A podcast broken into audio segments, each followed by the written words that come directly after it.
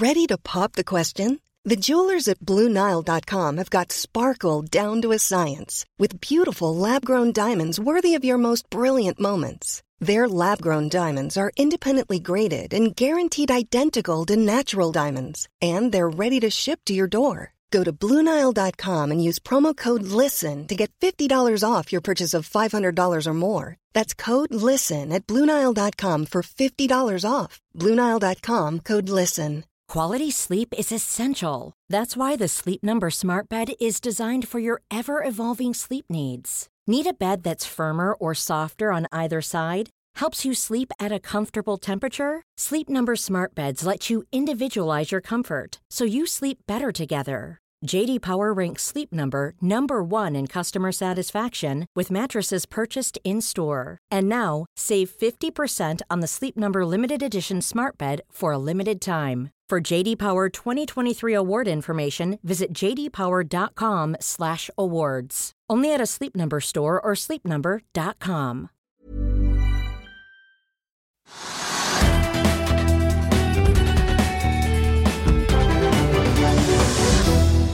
En riktig god fredag alle sammen, og velkommen til Økonominyhetene på gudskjelovdagen 3. februar.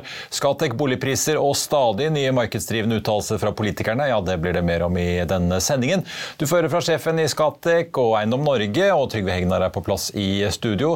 Først la oss titte bare kjapt på markedet. Hovedindeksen endte jo ned 0,6 i går, men har får vi si, karret seg oppover utover dagen i dag.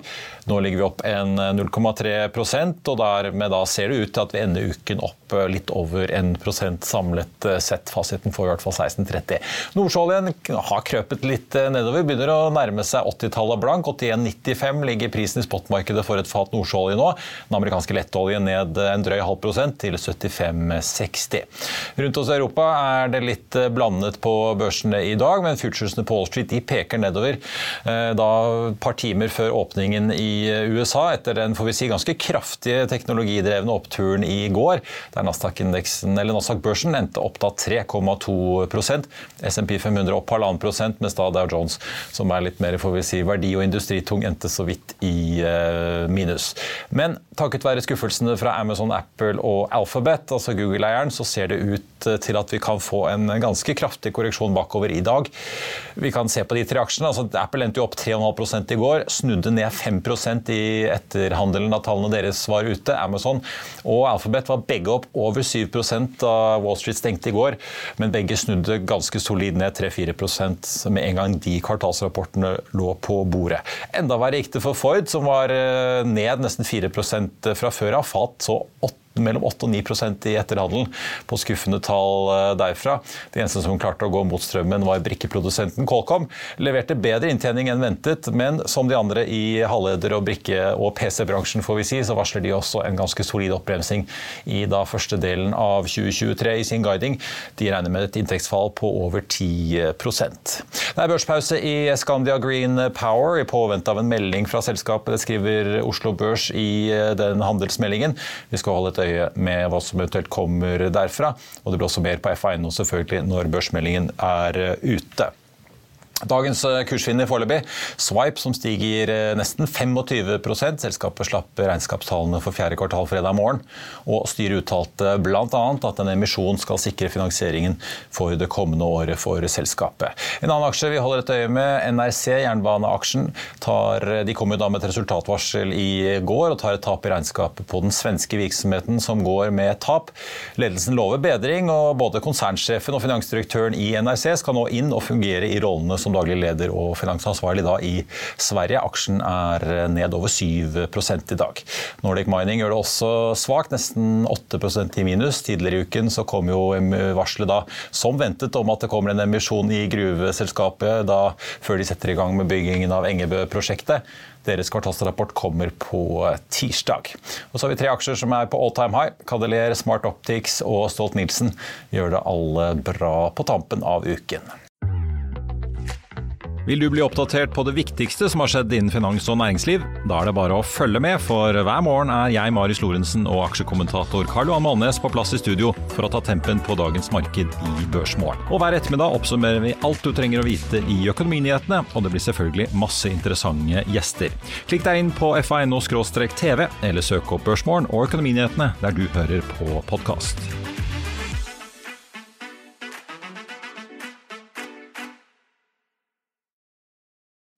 Fornybar og Skatec nå, som var den virkelig store kvartalsrapporten på Oslo Børs i dag. Inntektene falt eh, noe tilbake til 993 millioner, men driftsresultatet falt med nesten 100 til 689, og et overskudd på samme tid i, året, altså i 2021 ble snudd til et underskudd på tampen av 2022 på 433 millioner kroner. Markedet har åpenbart ikke likt nyhetene fra fornybarkonsernet. Aksjen er ned over 6% I fjor høst lanserte jo konsernsjef Terje Pilskog en oppdatert strategi på kapitalmarkedsdagen som inkluderte et lavere veksttempo enn det skal Scatec hadde skissert eh, tidligere. Denne uken har det kommet frem at selskapet ikke bare reduserer utbytte, men at de også selger unna en solpark i Sør-Afrika med en gevinst på tre kvart milliard, og at de har eh, da landet refinansieringer hos bankene sine. Her er hva konsernsjefen hadde å si etter kvartalspresentasjonen litt tidligere i dag, inkludert at eh, det kan komme flere utbyttekutt eller en emisjon. Bare se her. Ja, jeg tenker at eh, Fjerde kvartal for Scatec var, var, et veldig bra kvartal. Var, eh, vi hadde bra finansiell og operasjonell eh, performance, gode resultater. Vi fortsetter å ha god fremdrift på de prosjektene som vi har under bygging. Det er 1,2 gigawatt, representerer 15 milliarder norske kroner i total, totalinvesteringer. Og så gjorde vi også noen grep på, på finansieringssiden, på kapitalsiden. Bl.a. gjennom at vi refinansierte deler av Bridge to Bond. Vi eh, solgte en, eh, en portefølje av solparker, Uppington, på 258 megawatt i, eh, i Sør-Afrika. Pluss at vi gjorde en justering på fremtidig utbyttepolicy, som alle disse delene til sammen gjør at vi er mye bedre kapitalisert for å gjennomføre veksten vår videre fremover. Vi vil til enhver tid vurdere ytterligere salg av, av solparker. Uh, selvfølgelig uh, både i de markedene som er si, mindre og mer fragmenterte, slik at vi konsoliderer porteføljen vår, men også i de, i de uh, kjernemarkedene våre vil vi vurdere det, så lenge det ikke vil ha en strategisk negativ betydning. Vi kutter utbytte fordi vi mener at i dagens kapitalsituasjon og med den vekstplanen vi har videre fremover, så er det, en, det er et av verktøyene i vår verktøykasse i forhold til å bidra med finansiering videre, videre fremover. Så vi ser at det er en god løsning for å bidra med det kapitalbehovet vi kommer til å ha videre fremover.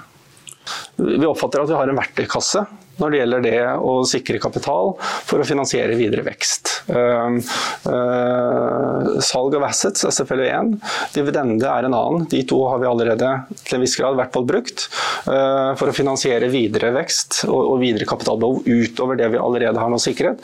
Så vil vi fortsette å vurdere de alternativene som vi har. En emisjon er et alternativ som vi vil vurdere, men det er ikke det eneste alternativet vi har for å finansiere ytterligere kapital som vi trenger. Velkommen tilbake. Jeg var inne på at det er innført børspause i Scandia Green Power. Nå har det kommet en melding fra selskapet hvor de altså skriver at eh, det så langt ikke har lykkes eh, å finne noen strategisk løsning eller å hente mer egenkapital, og at det derfor sitat, er usikker hvorvidt det er mulig å sikre aksjonærenes verdier i eh, selskapet. Det var jo da i november at selskapet annonserte at de hadde høyet inn Pareto for å jobbe med ulike kapital- eller finansieringsløsninger for da Scandia Green Power. Aksjen fortsatt pauset på Oslo Børs. Men skal holde deg oppdatert på hva eventuelt mer som kommer utover. Og så blir det selvfølgelig mer på FA1 nå utover ettermiddagen. Boligprisene nå 3% opp i januar. Ja, det var i hvert fall prisveksten eh, ifølge da boligpristallene som kom i dag. Men prisene var uendret i årets første måned hvis man sesongjusterer det. Hva sier dette oss om boligmarkedet, som på tappen av fjoråret viste tegn til oppbremsning i en verden med stigende renter? Kollega Øyvind Ekås har sett nærmere på de ferske tallene som ble lagt frem av Eiendom Norge i dag. Bare se her. Henning Lauritzen i Eiendom Norge. Boligprisene opp 3% i januar, og med det uendret sesongkorrigert. Det er jo ganske brukbare tall med tanke på den tøffe høsten vi har vært igjennom. Vil du si at boligmarkedet er friskmeldt, eller var det kun den sedvanlige januareffekten vi så? Ja, Det var nok den sedvanlige januareffekten, men en sterkere januareffekt enn vanlig. Omtrent dobbelt så sterk som vi hadde regnet med. Og så ser vi at i desember så var boligprisene ned 3,2% i Kristiansand og 2,9% i Stavanger. Mens nå i januar så er de opp henholdsvis 4,6 og 5,1% Det er jo ganske store utslag på kort tid. Vil det si at det lønner seg å spekulere i å time markedet? Ja, vi ser ofte at eh, det er lurt å se både Kristiansand og Stavanger i et tomånedersperspektiv, for vi har en del svingninger. Så det er nok først og fremst det det dreier seg om. Og så ser vi at Bergen steg 3,2% nominelt i januar, men likevel sank prisene sesongkorrigert 0,6% Hva skyldes dette? Ja, Dette skyldes at Bergen pleier å være veldig sterk i januar. og Det å se femtallet det har skjedd en del ganger i, januar, i Bergen i januar f.eks. Og I Trondheim så ser vi en relativt svak utvikling sammenlignet med de andre storbyene. Kan du forklare litt hva som skjer her? Ja, Antagelig så er det ikke noen, noen, sånne veldig sterke årsaker til dette. Det kan nok mer være tilfeldigheter. Vi ser at tilbudssiden er ganske normal i Trondheim gjennom hele denne perioden. Hva tenker dere om boligprisene på landsbasis fra februar og, og utover? Ja, vi tror vi kommer til å se et svakt marked i månedene fremover. Vi tror kombinasjonen av inflasjon og renter kommer til å presse prisene litt nedover. Da er jeg med meg Trygve Hegnar. Og Trygve, er du overrasket over eh, farten i boligmarkedet? Litt, men ikke mye. Det er jo slik at uh, boligprisene alltid stiger i januar. Ja, Det er, det er derfor det er null sesongjustert. Ja, ja. så det, altså det, er alltid en sterk måned i januar, og så dabber det liksom utover våren og blir ganske dårlig. Og så stiger den kanskje på slutten av året. Det er mønsteret. Og så er det slik at vi har jo fått en renteøkning, men så var det en pause nå. og den forrige renteøkningen, da, hadde man, da hadde man gikk til 2,75. Den øh, er jo ikke inne i markedet ennå. Den har liksom ikke satt seg helt, og bankene har satt opp renten litt, og folk tenker på det, og husholdningene regner på hva de kan bruke penger på. Men rente, altså, effekten av at renten går opp, den er ikke helt tatt ut. Og så kommer det da en ny renteøkning. Den er i hvert fall ikke tatt ut. I mars. Den kommer helt sikkert. Ja. Slik at vi, vi, vi, vil få en effekt av at rentene går opp. Motsatt har virket av det at myndighetene har gjort litt lettere å låne penger. Liksom bankene kan låne litt mer enn man gjorde før. Og kravene til egenkapital er også senket for visse deler av markedet. slik at Myndighetene har åpnet litt opp. Vi har ikke fått full effekt av renteøkningen ennå. Det betyr at egentlig kunne vi regnet med det at det ville bli en god januar, fordi det alltid er en god januar. Og så vil det sannsynligvis falle ut på sommeren. Ja, jeg merket meg det med Marcus Pect også på denne liberaliseringen av lånereglene. Men jeg mener også at ja, Boligprisene kan nok falle fremover, men det er ikke noen stor fare for noen stor nedgang. Nei da, men altså det svinger veldig. Det som er liksom litt skummelt akkurat nå, Vi så at Obos-prisen var opp 7 og, og det er jo helt fantastisk. Men de var ned 4% i desember. Så liksom De svinger veldig, og det er litt avhengig av hva som skjer. Og, men kanskje er det slik at husholdningene har litt mer reserver igjen enn mange trodde. Enn ja. de, eh, og det bruker de nå, og så vil de få en liten overraskelse da når rentenotene kommer i mars, april, mai, juni. Ja, for Eiendom Norge var klare på det at de, de tror inflasjon og renter fortsatt vil presse prisene nedover utover året? Ja, det er jeg helt sikker på. Vi må, nesten, vi må oppsummere litt hva som har skjedd denne uken, nå, for det er nesten lett å glemme med alle de andre nyhetene som har kommet. Men vi hadde jo et flyselskap som faktisk gikk eh, konkurs her i landet denne uken. Flyer. Ja, de gikk konkurs, og det var ventet. Det snakket om mange ganger. Du sa jo at aksjonærene bare måtte forvente å bli nullet. ja, det sa det mange det ganger. Vi skal ikke liksom si det, gni det inn, men vi sa at de ville bli, ville bli nullet ganske mange, mange ganger. Og det var fordi at selskapet var underkapitalisert. De hadde for lite penger. De ville ikke klare seg. De forsøkte gang på gang å få inn penger, fikk de ikke til. Helt til å begynne med fikk de selvfølgelig 50 millioner og 600 millioner, og så fikk de 250 millioner. Men vi visste jo hele tiden at de var udekket 300-400-500-600 millioner. Og de hadde en ubetalt regning til EU på sånn CO2-kvoter liksom på et par hundre millioner. Så de hadde ikke penger. De, så de, vi visste, det ville gå over ende, og vi hadde også på forsiden i Finansavisen styrter. altså det styrter det er, Da er du i bakken. Det er null. Og aksjonærene ville ikke få noe. Likevel så er det ganske interessant å se det at det var ganske mange småaksjonærer, flere tusen, som kjøpte da liksom på, helt på slutten hvor da 0,2 øre, ikke sant, og tenkte kanskje at det var hvis man da gikk fra 0,2 til 0,4, så hadde man doblet pengene osv. trodde det var mulig. Det var det ikke. Så jeg tror det var en ganske god lærepenge at da aksjonærene ble nullet. Men samtidig, Marius, så så vi også at dagen etter så ble det kjent, i går og i dag, at Doff, det offshore-serviceselskapet, som da også var forgjeldet opp til ørene, og som ikke ville klare seg, de aksjonærene sa vi også ville bli nullet. fordi at Kreditorene hadde overtatt selskapet. De vil si at vi kan ta selskapet videre og drive det, og da skal aksjonærene få null. Sånn skal det være. Så fightet man om det, og aksjonærene sa nei. Altså, vi, vi, vil ha litt mer enn 2% eller 3% Og så ga de seg ikke. Og så sa, sa da, de som da hadde gjelden, og som kunne konvertere sin gjeld til aksjer, aksjer All gammel aksjekapital er null. Så vi hadde to nullinger på en uke. Ja. Ganske, ja, det er, det er, litt vanskelig å forstå egentlig den Doff, eh, for de ble jo tilbudt tre, nesten 3,5 eh, dagens eiere. Kreditorene var snille. Men de sa nei. Og nå ender det bare i full konkurs, og kreditorene kommer og skal kjøpe ut uh, restene de har lyst på, og ta det på børs igjen. Aksjonærene blir sittende igjen med null punktum. Null punktum, og Poenget var at kreditorene altså, hadde da, de som sitter der med gjelden, de hadde taket på det hele tiden. Og De sa vi kan kanskje drive selskapet videre hvis vi konverterer vår gjeld til aksjer osv., men vi gjør det ikke uten at aksjonærene liksom sier takk for seg. Og så var det en forhandling om de, skal, de, som, de gamle aksjonærene skulle få 1 eller 2 eller 3% og det endte med null. Så vi hadde to nullstillinger på én uke, og det er ganske uvanlig i Norge.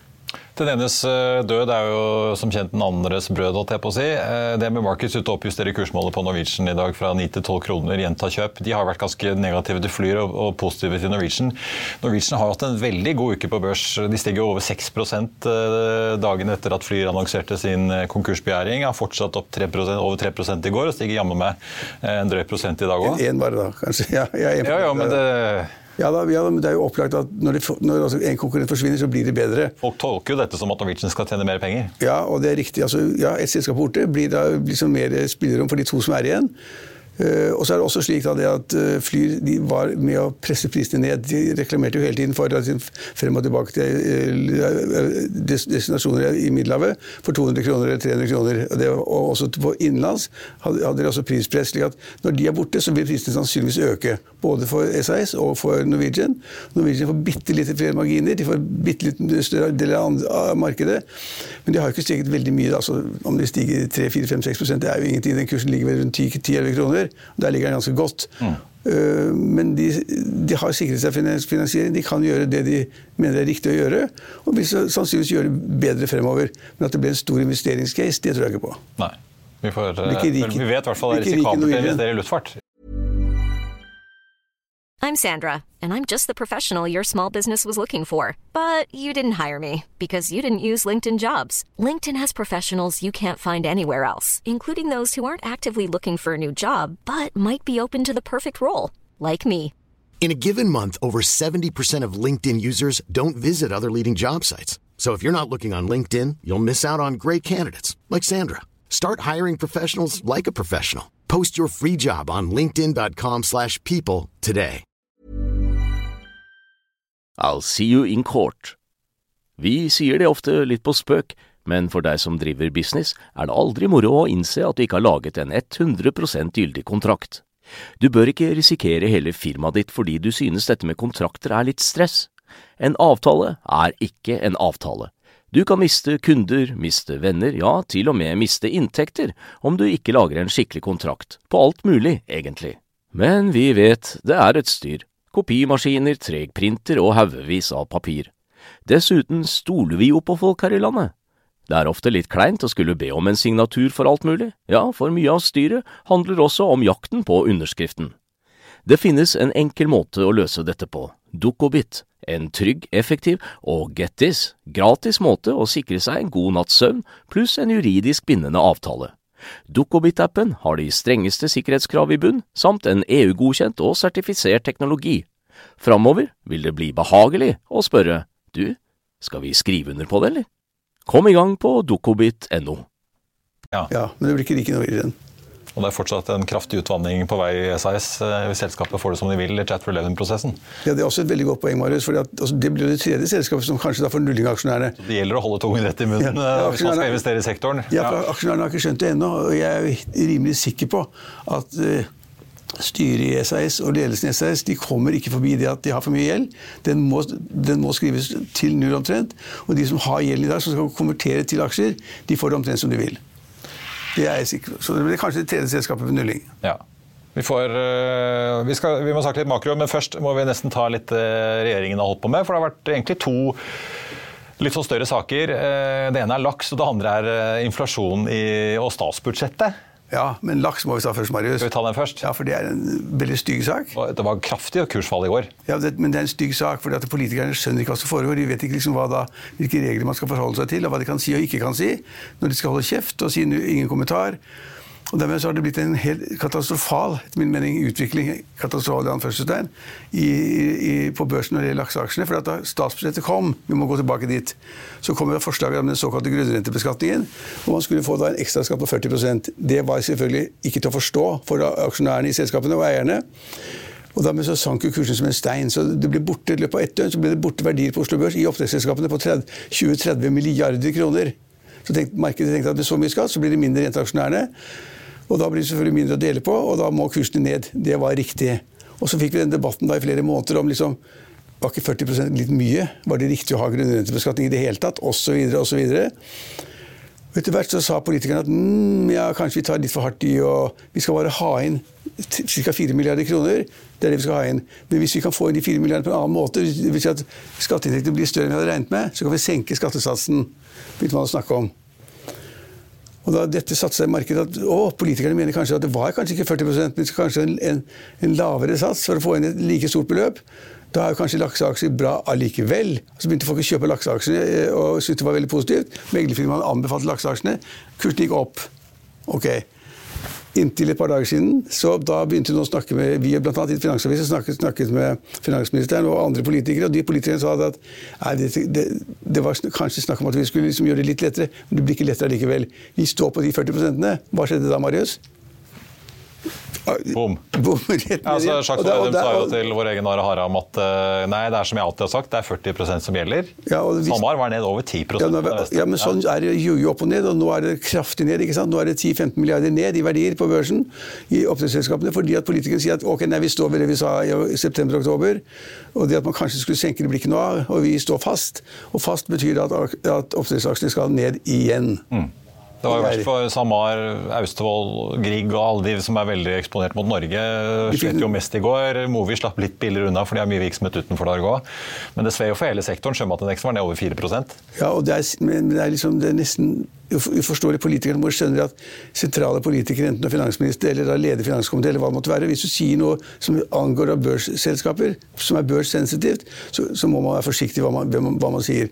Men Senterpartiet er nå også ute å kjøre pga. Liksom denne skatten som de egentlig sier de skal ha, men som da hele kysten ikke vil ha. At de, de, liksom, de uttaler seg i hytt og pine. Ikke helt ut, men sånn delvis osv. Og, så og da må da markedet gjette.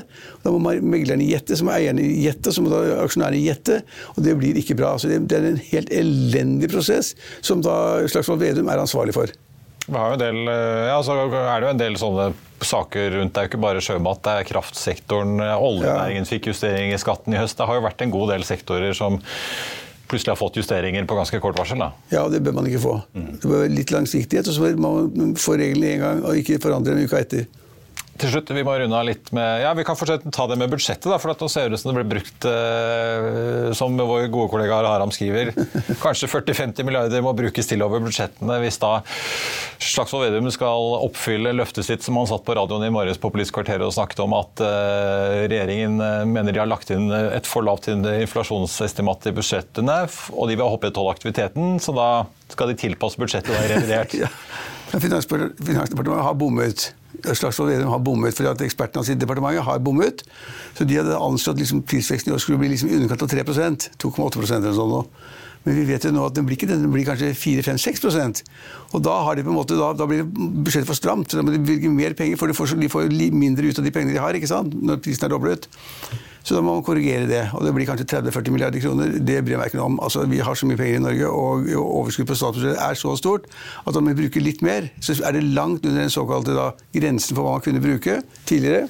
Ja, for Du er ikke redd for at uh, sentralbanksjefen Ida Wolden Bakke skal se på dette her og tenke at hun det inn noen titalls milliarder til? Nei, ikke i det hele tatt. Kan ikke tenke meg. Altså, hvis det har noen effekt, så er det at hun strammer enda mer til. Da, ikke sant? Ja, det var det jeg tenkte. Ja, Det tror jeg ikke hun ser på i det hele tatt. Hun kunne kanskje sett litt på boligmarkedet. hvor Hun tenker at liksom, å, boligmarkedet går så bra. Da kan jeg iallfall sette opp renten uten, å tenke på hva boligeierne tenker om meg kunne man tenke seg. Vi fikk, jo, ja, vi fikk jo renteøkninger både fra Fed, ECB, Bank of England eh, denne uken. Ja, og, er det helt garantert at Norges Bank kommer i mars og øker de òg? Jeg er nesten sikker på det. Man kan ikke være sikker på noen ting når det er pengepolitikk, men jeg er nesten sikker på at vi øker i mars. Og så var det ganske mm, pussig det som skjedde i de andre sentralbankene i går, i, går, i forgårs. fordi at i, Amerika så var da sentralbanken klar som, altså krystallklar på at det kommer flere renteøkninger, fordi at inflasjonsmålet er 2% og Da kan man ikke ha en prisvekst på 6% eller sånn som vi gjør i Storbritannia på 10 ikke sant? Det er jo helt sjukt. Så vi står fast. Vi skal ha eh, prisveksten ned til 2 Vi kommer til å øke styringsrenten ganske kraftig fremover. Markedet trodde ikke på det. Eller ville ikke, ville ikke tro det, så de liksom sendte kursen opp istedenfor ned. Og så er det noen som har kommet med en ganske interessant refleksjon. De sier at grunnen til at aksjekursen gikk så bra, det var det at selv om man kunne tenke seg det at det blir flere renteøkninger, for det blir det, og det er liksom da ikke så bra for økonomisk vekst, og det er ikke så bra for selskapenes overskudd osv., så, videre, så er det noen som sier at ja, men det er bevis på at de kommer til å gjøre bare, de, de vil gjennomføre løpet sitt. Så når de er ferdig med økningene, da er alt bra. Og så diskonterer man da hvordan det vil gå i økonomien etter at man er ferdig med hele greia. Det er jo litt finurlig, da. Ja.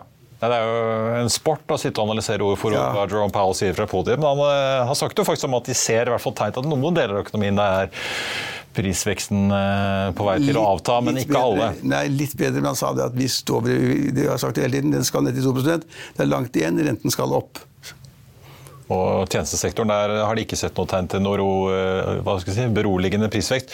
Og jeg merket meg også Kristin Lagarde i ECB var helt klar. Det kommer en dobbel De var jo veldig konkrete. At det kommer 0,5 i mars. Jo, fordi at, bare ta det, det er lenge siden de har vært så klare fra Frankrike. Nei, men de må være klare. for Tenk på, på Storbritannia, som har en prisvekt nå på 10,5% Det er langt fra 10,5 til 2 Så her de dobler renteøkninger hele veien, og det gjelder altså også hele Europa. Og jeg vil tippe at i aksjemarkedene i USA, i, i, dag kanskje, og kanskje i neste uke, vil se da det at de, de må ta, ta inn over seg at det blir en renteøkning. De må ikke prøve å tolke seg ut av hva Powell sa. Vi hørte hva han sa. Vi hørte hva han sa. Og vi får se hva, Nå er det bare en, eh, ja, 36 minutter igjen til vi får uh, sysselsettingstallene fra USA for uh, januar uh, måned. Det er jo ventet at de skal tikke litt under 200 000, men de, de, må jo ned for at Jerome skal få viljen sin får vi si, og få et ikke så stramt arbeidsmarked som koker. Tusen takk, Trygve. God helg, og velkommen Håkon Sæbø, si, programleder i Mil etter mil og i FA Motor til vanlig også, får vi si. Du, eh, vi, må få opp bildene på skjermen, eh, for dere skal jo teste litt biler denne helgen eh, også. Jeg tenkte vi må begynne med hva skal vi si, Kong Vinter, kan vi vel nesten kalle den, det beistet vi ser på skjermen her nå, med lysende grill. Ja, fra Bayern. Såpass må det være. Ja. Skikkelig beist av en bil. Vi har kjørt den litt på vinterføre og testet uh, hvordan det funker. Det har alle sånn jeg har fått en? De, har, uh, de sitter og koser seg igjen nå, kanskje. Ja. Uh, de har i hvert fall en. De har jo også en EQS sedan, så ja. de har litt av hvert. Men vi snakker om BMW I7, den nye 7-serien som i Norge kun selges som elbil. Stemmer. ja. Du får den jo med V8 og litt annet snadder andre steder i verden, men i Norge blir det bare elbil. Ja. Og den veier ganske mye? Ja, den er tung. Eh, den skal jo gå nærmere 600 km, så det er jo solid rekkevidde. Men så er det jo dette med vinter, da, som en del nordmenn har blitt eh, godt vant med. At da krymper rekkevidden, og det hvor, gjør den jo også på den. Ja, hvor gode er tyskerne på norsk eller skandinavisk klima, vinterklima? Nei, de er gode. Eh, også tatt i betraktning at dette er en bil som er bygget som en fossilbil også. Så jeg syns jo det, det, fungerer bra. Vi kom litt kortere i vår test enn det motor, altså NAF og Motor eh, gjorde i sin rekkeviddetest, som nylig ble sluppet. Men det er jo sammenlignbare tall, da. Ja. Og neste bilen vi skal se, neste bilen vi skal se bilde av, som dere også har en test av uh, i helgen, hva er det for noe? Ja, Toyota GR86. Det blir jo noe helt annet. Her er det jo manuelt gir og bakhjulsdrift og en uh, motor som ikke har turbo, ikke kompressor, ikke noe el-innblanding i det hele tatt. Så det er ren moro. Dette er for fanskaren og røde til og med, ser jeg i hvert fall mm. testbilen deres. Mm. Men det er, Toyota tar fortsatt inn sånt i landet, altså selv om de suser mye på hybrid og etter hvert også elbiler? Ja, de gjør det. Altså, Toyota produserer jo utrolig mye biler for vanlige folk. Og så har de disse morobilene i tillegg. GR-bilene. De har tre stykker. En som faktisk er basert på en eh, BMW, som heter Supra. Og så har de Yaris-utgaven, som er kjempemorsom. Og nå har de kommet med den her, da, som er en sånn klassisk eh, sportsbil. Koster en del penger, over 700 000 kroner, men likevel eh, spennende for de som bare vil kjøre og kose seg. Ja, ordentlig sånn, ja. For fansen, rett og slett. Rett og slett. Hva annet er det man, ja, for BMW antar jeg har, de har vel noen sånne Porsche har jo også uh, Boxster for, uh, og Caymans for, uh, for liksom fanskaren uten turboer. Mm. Det fins jo noen modeller igjen, hvis man er i den kategorien her. Ja da, så er det jo ikke noe i veien å ha en turbo under panseret. Mercedes A45 AMG er jo litt sammenlignbar. Vært litt dyrere bil, da. Sammen med BMW M240i, rekkesekser, turbo, også en morsom bil. Det er jo en kupé. Så det er litt utvalg fremdeles. Man man, man, må jo ikke kjøpe elbil. Nei. Man må ikke.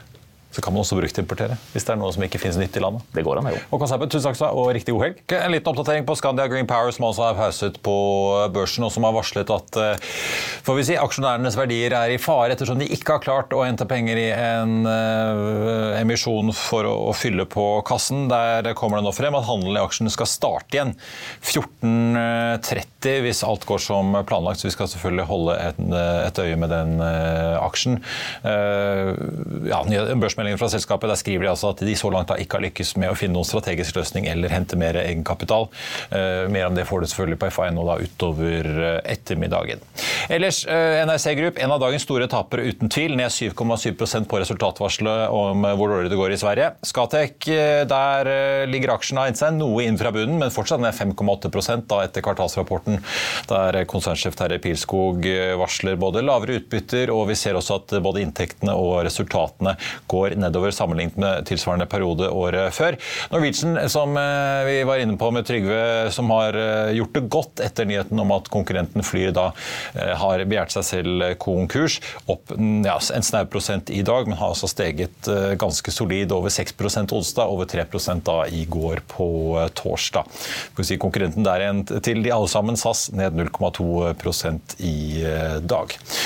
Så kommer jo, får vi si da, eller det, neste uke uke så skjer det jo mye spennende. En interessant sak, eh, nå som vi da både har sett resultatvarsler fra danske Ørsted, fornybarselskapet og vindmølleprodusenten Vestas, og vi da bare er noen dager unna kapitalmarkedsdagen til Equinor i London, så slapp jo da Wall Street Journal tidligere i uken en ganske interessant sak, der de altså rapporterer at BPs konsernsjef Bernard Looney vil ta grep og stramme inn fokuset på det engelske energikonsernet, eller olje- og energikonsernets fornybarsatsing i kjølvannet av skuffende resultater. Ifølge kildene til eh, Wall Street Journal så er Luni skuffet over avkastningen fra flere av BPs grønne investeringer, og han ønsker å trappe ned deler av satsingen og heller da jakte en smalere og mer spisset eh, strategi. Luni har jo da siden han tok over i 2020 hatt en tung grønn satsing for BP, som ofte har vært mer aggressiv enn de andre store oljeselskapene her i verden. BP har jo sagt at de vil kutte oljeproduksjonen sin fra da 2019 til 2030 med 40 i senere tid så har jo eh, får vi si, franske Total også kommet etter med et nytt navn og en grønnere strategi. Men som vi jo har sett, og som Wall Street Journal også påpeker i sin artikkel, så har det europeiske oljeselskapet generelt levert dårligere avkastning enn sine amerikanske konkurrenter eh, over tid. Særlig Chevron og Exxon, da, som har vært mer tilbakeholdne med sine grønne satsinger. BPs eh, kvartalsregnskap kommer 7.2, altså på tirsdag. Det er dagen før Equinor kommer med sine tall på onsdag den 8. Og så får vi også ta med da at Bernard Looney ikke ønsker å kommentere saken overfor Wall Street, Wall Street eh, Journal. Ellers eh, så får vi også ta med, Det kommer da sysselsettingstall fra USA om en 27 minutter klokken 14.30. De får det på FA.no. Det er da ventet at uh, sysselsettingen utenfor landbruket vil øke med en uh, nesten 190 000. Uh, I motsetning til da i desember hvor vi endte da på 223, godt over det som var ventet den gangen, på 200 000. I desember falt jo også ledigheten i USA med 0,2 prosentpoeng ned til 3,5. Og vi fikk også litt lavere lønnsvekst, så det skal bli spennende å se om sentralbanksjef Jerome Powell får noen eh, tegn på at arbeidsmarkedet i USA eh, roer seg ned og trykket lettes lite grann. I Finansavisen i morgen på lørdag så kan du lese Trygve Egnars leder om TikTok og justisministeren. Du kan lese om Oslo kommune som vil selge boliger under markedspris. Og vi fortsetter å snakke om fly, men ikke den gang, denne gangen om Erik Bråten i Flyr, men en annen flygründer, nemlig Ola Giæver. Ukens aksje blir elektroimportøren, og så blir det selvfølgelig, som Håkon var inne på, masse bilstoff og annet helgestoff å glede seg til. Og Det var det vi hadde for deg på denne fredagen. Tusen takk for at du så eller hørte på. Mitt navn er eh, Marius Thorensen. Vi er tilbake igjen med Børsmorgen 08.55 på mandag. Og så kommer vi da også selvfølgelig med Økonominyhetene 14.30. I mellomtiden ønsker alle vi her i Finansavisen deg en riktig god helg. Takk for nå.